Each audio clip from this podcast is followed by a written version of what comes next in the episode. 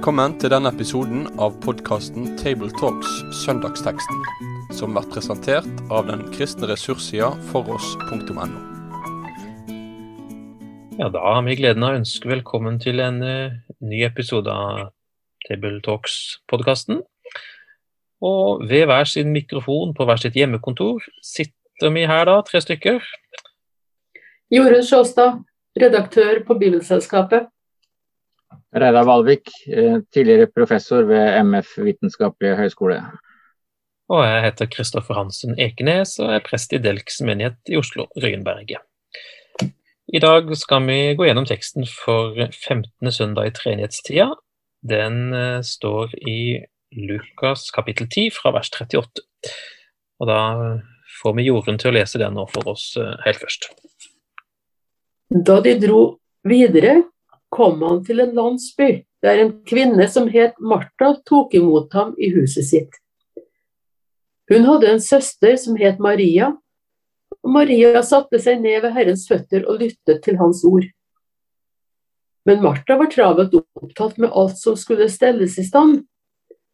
Hun kom bort til dem og sa, Herre, bryr du deg ikke om at min søster lar meg gjøre alt arbeidet alene?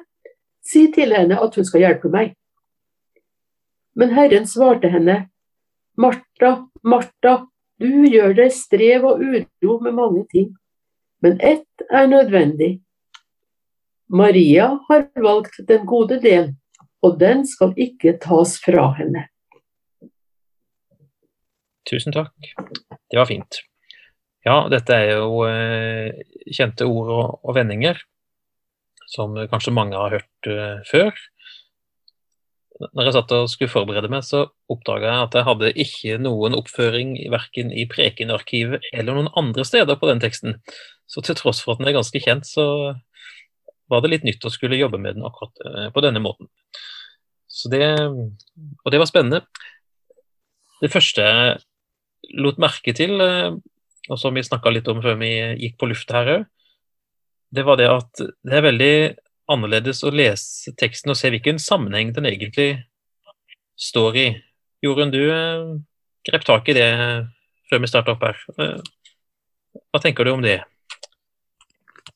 Jeg tenker jo at det er en tekst som veldig mange kan, og som mange har hørt mange prekener eller taler om. Og det er setninger i denne, setningen, i denne teksten som vi kan utenat. Uh, og på en måte så står den i leien, den teksten her, når vi, når vi snakker om den. Men når vi leser den i Lukas evangeliet, så kommer den altså mellom den barmhjertige samaritan og det at disiplene lærer Fader vår. Og da tenker jeg det at i stedet for å preike i hjel de få versene som er teksten i dag, kan en legge merke til setningen som står før. Gå du og gjør som han, eller henne. Og så sette seg ned og lese Guds ord. Eh, og be, sånn som det da kommer etterpå. Ja, jeg har reflektert over noe av det samme, at um, hele kapittel 10 hos Lukas er jo egentlig et sånt uh, utsendelses-disippelkapittel. Um, og det er det som er den sammenhengen som denne teksten står i. Uh, så på en eller annen måte så må vi tenke at uh, Lukas har vi hatt oss til å se at det å sette seg ned uh, hører til disippellivet sammen med Jesus. Eller så vil jeg bare kommentere én ting før jeg gir ordet videre. Um, det står her at de dro videre.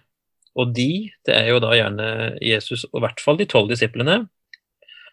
Og så kommer de til en landsby hvor Martha bor. Det er vel eh, antagelig eh, Betania, i nærheten av Jerusalem det er snakk om. Og så tar Mar Martha imot ham, står det. Men vi må kanskje forutsette at ikke bare det er Jesus, men hele følget som eh, kommer inn dørene hos Martha og Maria. Og som gjerne er sultne, og som skal ha rast eh, før de ja, kanskje skal videre til Jerusalem eller andre steder. Så det var litt å gjøre der i heimen akkurat når Jesus og følget hans kom inn dørene. Det kan jo være ålreit å kanskje ha med seg når en ser for seg eh, det som videre nå, nå skjer.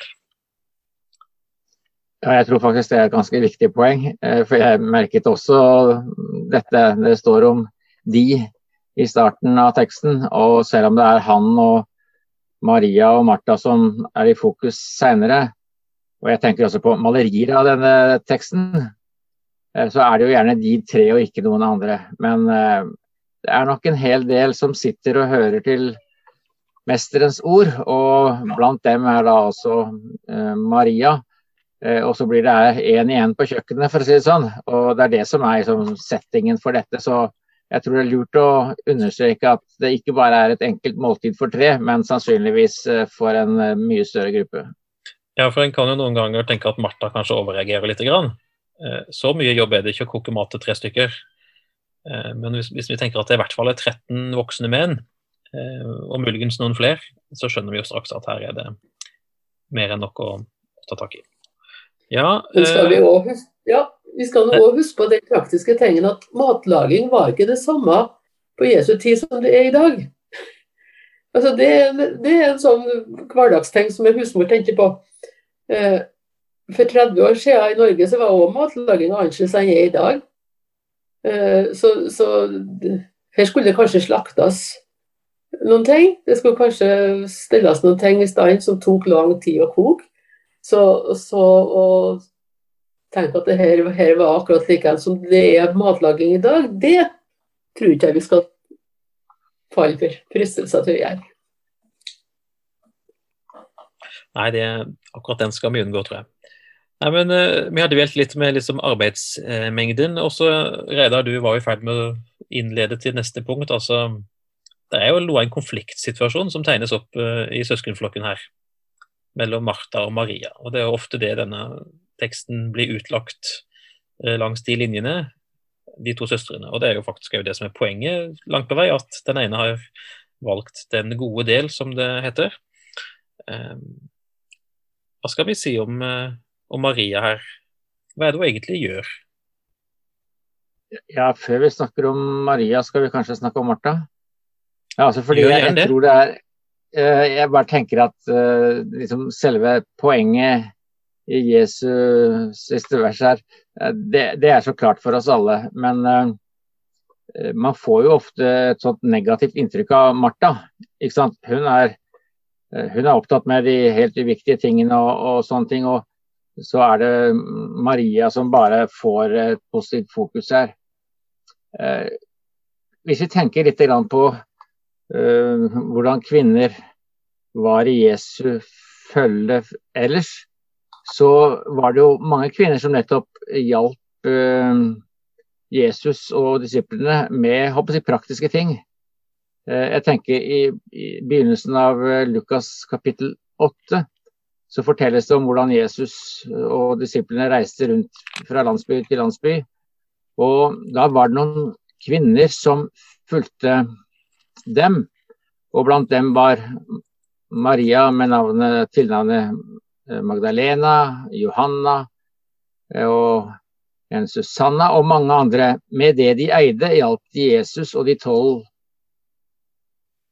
Det betyr altså at det var en, en, gruppe kvinner som var der i bakgrunnen og drev med praktiske ting. Og sånn er det da for så vidt også i utgangspunktet her nå med, med Martha. At hun tar, tar, de praktiske tingene som eh, det er naturlig å gjøre noe med. Men det trenger jo ikke å bety at hun ikke var interessert i å lytte til Jesu ord. Altså, kan godt hende hun faktisk prøvde, der hun gikk og ordnet å høre, høre det Jesus sa, men det var så vanskelig å få det til fordi det var så mye som skulle gjøres. Og Det er veldig interessant å se hvordan engelske oversettelser omtaler Martha. Eh, I Revised Standard Version, New Revised Standard Version og flere andre så står det But Martha was distracted by much serving. Hun ble distrahert Det betyr altså For det, altså det, det, det, verbet som brukes her, det er helt sånn unikt. Det brukes bare én gang. Og kanskje, ja, hun hadde lyst til å lytte til mesterens ord, men ble distrahert av de mange tingene. Jeg syns det var en litt interessant eh, detalj i oversettelsen her. Veldig fint at du kommenterer det, for akkurat det her er faktisk eh, hengt meg litt opp i. Eller altså eh, Det greske verbet som er oversatt med å være opp, gjøre deg strev med mange ting, har i sin grunnbetydning nettopp det der. Å være dratt bort fra noe med kraft. Eh, altså distrahert da.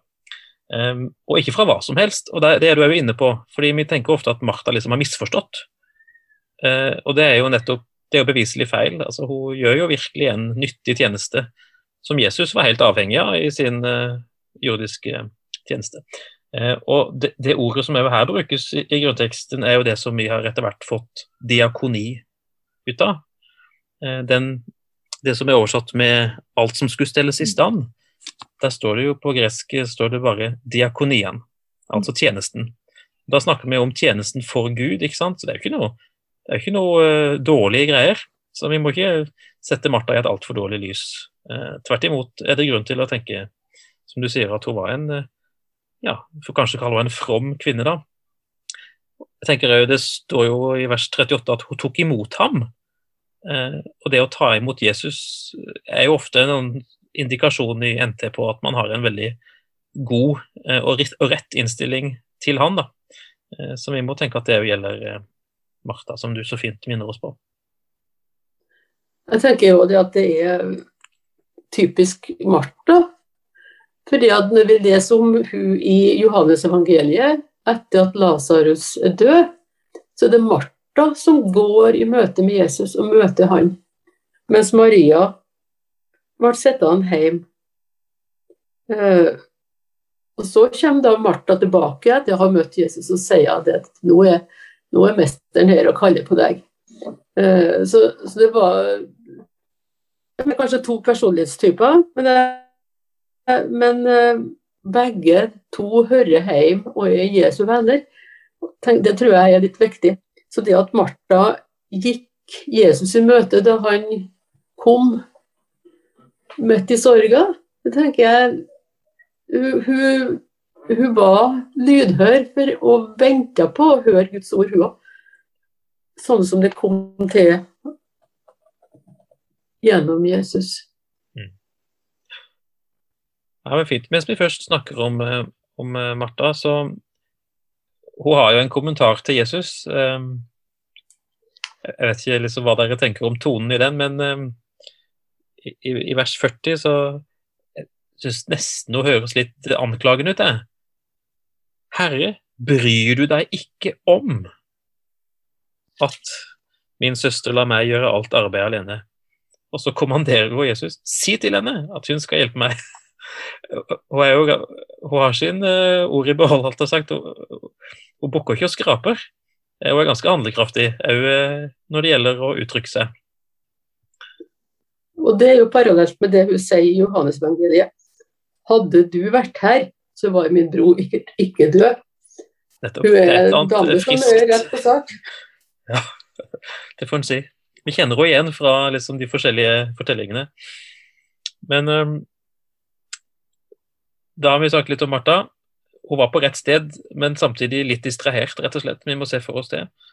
Um, og så er det da denne søstera som ja, kanskje i Marthas oppfatning sluntrer unna og ikke har blikk for eller bryderi med det som åpenbart måtte gjøres, og som òg Jesus, hvis han hadde fått uh, uttalt seg om det, ville si var nødvendig på et vis, eller i hvert fall viktig nok.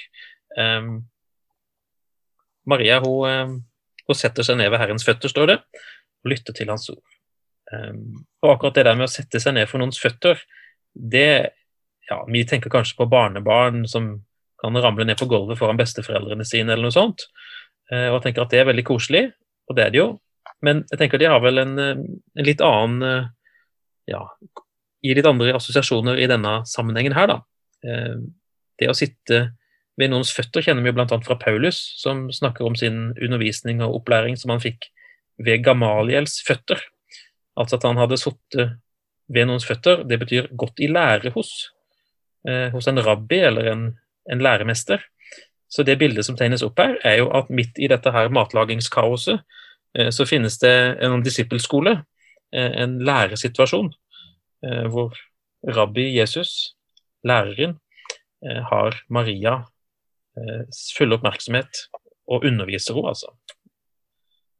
Så det ja, og det er jo en smule overraskende, for hvis man ser i, i samtiden, så sto jo ikke kvinner særlig høyt i kurs. Og blant uh, rabbinske skrifter som vi har fra tiden like etter Nytestamentet, så ser man jo at uh, de fleste rabbinere var meget skeptiske til å undervise kvinner.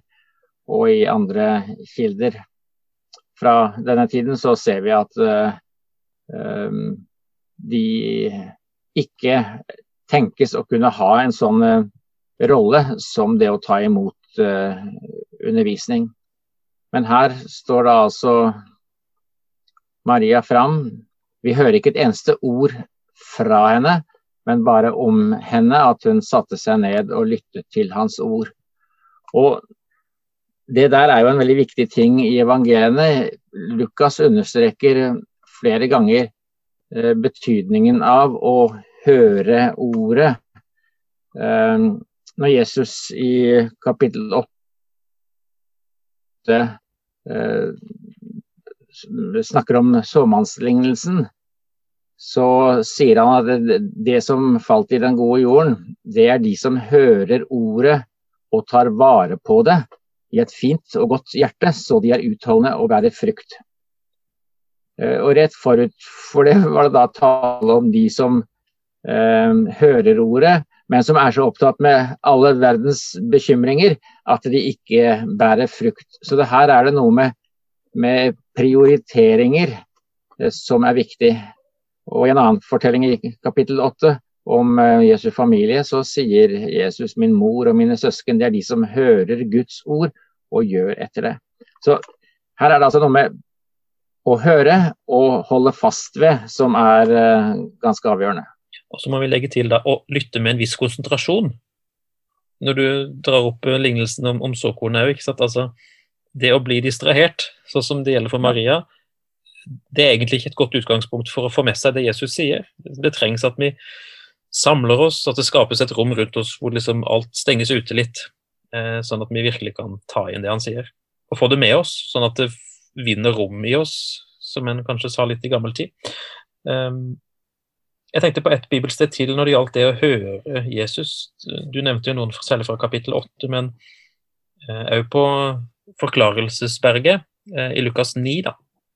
Så uh, kommer skyen og senker seg nedover fjellet, og det høres en stemme fra himmelen, og det er Guds stemme, skjønner vi, som sier 'Dette er min sønn den utvalgte, hør ham'. Så det, blir, det, det, slås nesten midt i evangeliet. Det er jo en sånn kjempepoengtering av hvilken betydning det har. Eh, og da tenker jeg jo at den, For meg i hvert fall minner det om uh, Johannes-prologen, at Jesus er Ordet. Olav Skjevesland, tidligere biskop i Agder og Telemark, han har en gang skrevet at Jesus er den siste avgjørende beskjeden fra Gud, som en kommentar til at han er Ordet. Og den gjelder det å få med seg. Og Det tenker jeg kan eh, være med oss inn i denne teksten her og det vi nå snakker om. da. Så det der å lytte til Jesu ord er jo egentlig en del av disippellivet.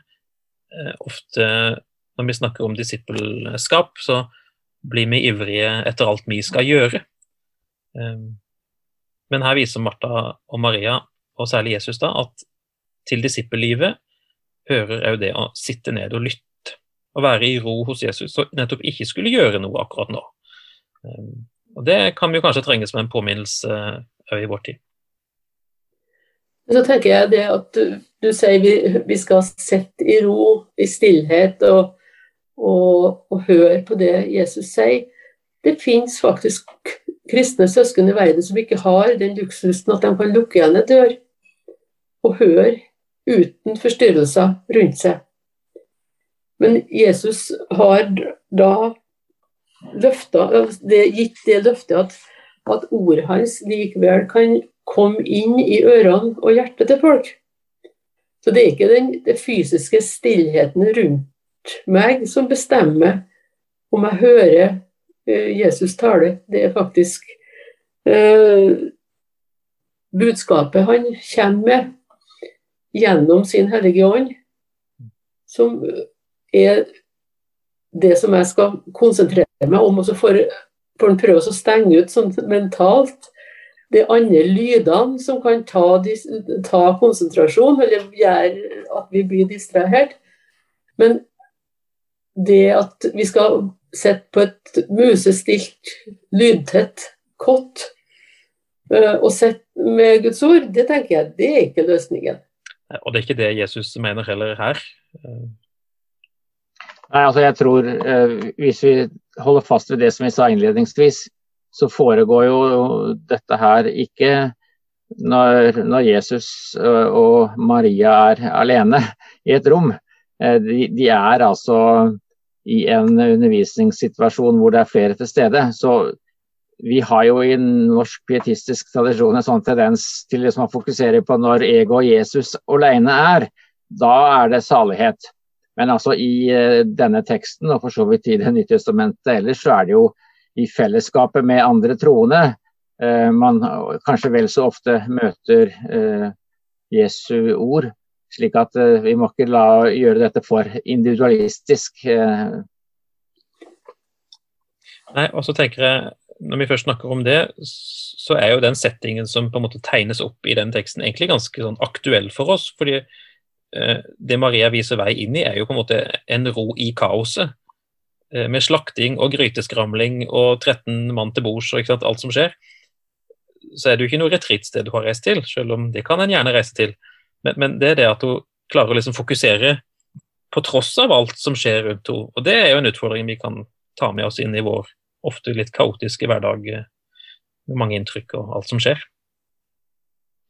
Ja, så er det jo en, en annen ting, fordi nå nå fokuserer vi på veldig, veldig, på dette at det er, det er bare én ting som er viktig, det er å, å, sitte og høre og ikke gjøre. Men vi har jo allerede sagt at, uh, at denne teksten hører jo hjemme i en større sammenheng uh, med lignelsen om den barmhjertige samaritan.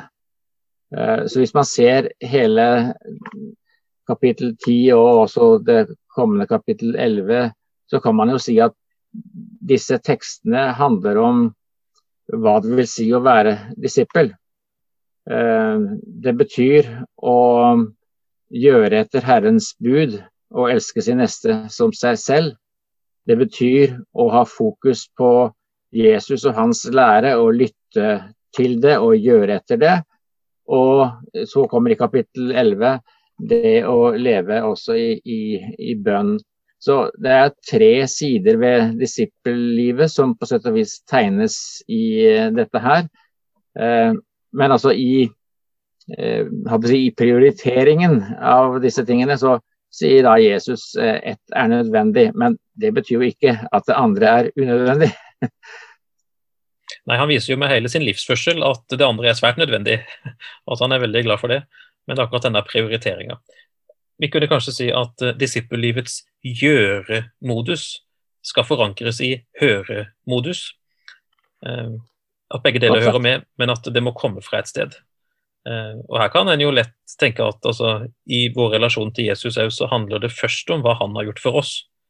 Og Det får vi tilgang til gjennom når vi hører om det, enten det skjer i fellesskap i gudstjenester og møter, eller på andre måter. Og så blir vi sendt ut etterpå for å gjøre som han har sagt. Eh, så det er denne her eh, veldig bibelske og gjenkjennelige vekselvirkninga hele veien mellom å høre og gjøre.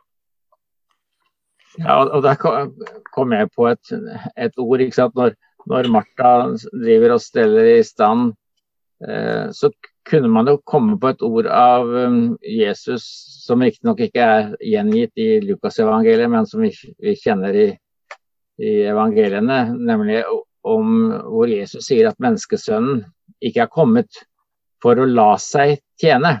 Altså, poenget med Jesus å komme er ikke at han skal betjenes, men for å gi sitt liv, faktisk, for um, uh, andre. Uh, og Det betyr jo at det er han som er tjeneren. Men det må vi lære å kjenne gjennom å lytte til Hans ord.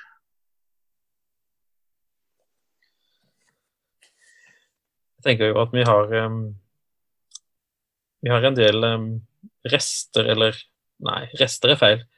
Vi har noen sterke spor av denne scenen eh, i våre gudstjenester og møter. Når det sies f.eks. 'la oss høre Herrens ord', enten det er en prest eller en annen som sier det, så er det sånn signal til oss om å innstille oss på Maria-frekvensen for et øyeblikk. Um, og det sånn som du har sagt, uh, Jorunn, altså stenge ute uh, alt. Uh, og, og, og, nå skal vi lytte. Uh, og Det kan jo noen ganger være krevende med unger som kreler rundt og ting som skjer. Uh, men det er invitasjonen da, til å liksom virkelig få det med seg, det som, nå, det som nå kommer, sammen med alle. Noen som um, er flinke dugnadsfolk og sånn, og, og liker liksom praktisk arbeid i menighetene, kan jo bli litt betutta av denne teksten, kanskje. Tenker jeg på Jesu tiltale til Martha. Men Vi har jo allerede sagt det, men eh, vi må bare gjøre det klart. Det er en, det er ikke en total nedvurdering fra Jesus side av praktisk arbeid i en menighet eller i Guds rike, som vi da gjerne sier. Eh, det finnes jo en rekke andre tekster både hos Paulus eh, og flere steder som understreker verdien av både trofasthet og utholdenhet, for ikke å si blodslit, når det kreves i liv og tjeneste. Men så er det jo like, når vi har sagt det, så skjønner vi òg hvor viktig eh, Marias forbilde her er. da, At en finner dette rommet eh, og denne så å si ladeplassen. Folk med elbil vet hva rekkeviddeangst er for noe. Kanskje vi kan snakke om en slags åndelig rekkeviddeangst. Hvis en på en måte bare skal gjøre, gjøre, gjøre, så, så går en litt tom, da. Eh, og kan risikere å avspore. Mens vi skal inn til Maria og inn til Jesus og, og lytte. Ja.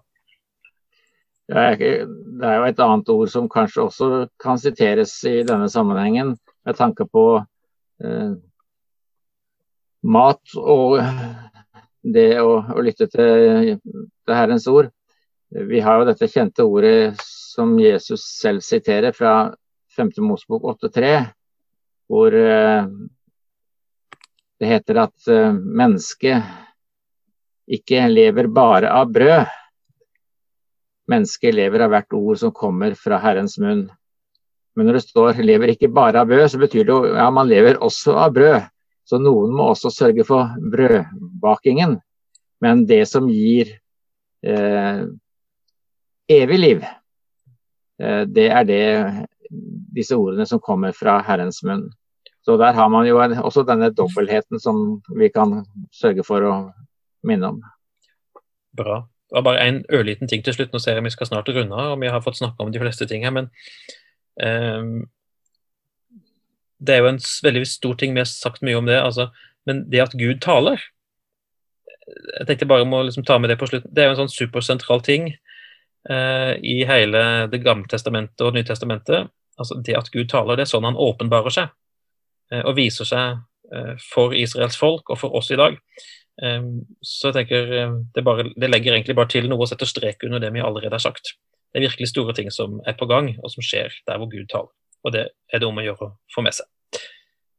Og Da blir det viktig det som du minnet om i stad, nemlig at det er, det er, Jesus som er ordet.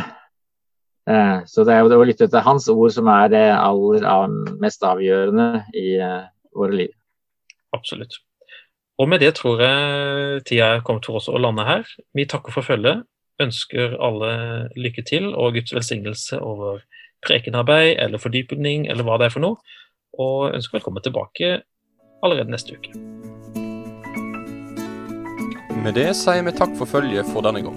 Finn flere ressurser, og vær gjerne med å støtte oss på foross.no.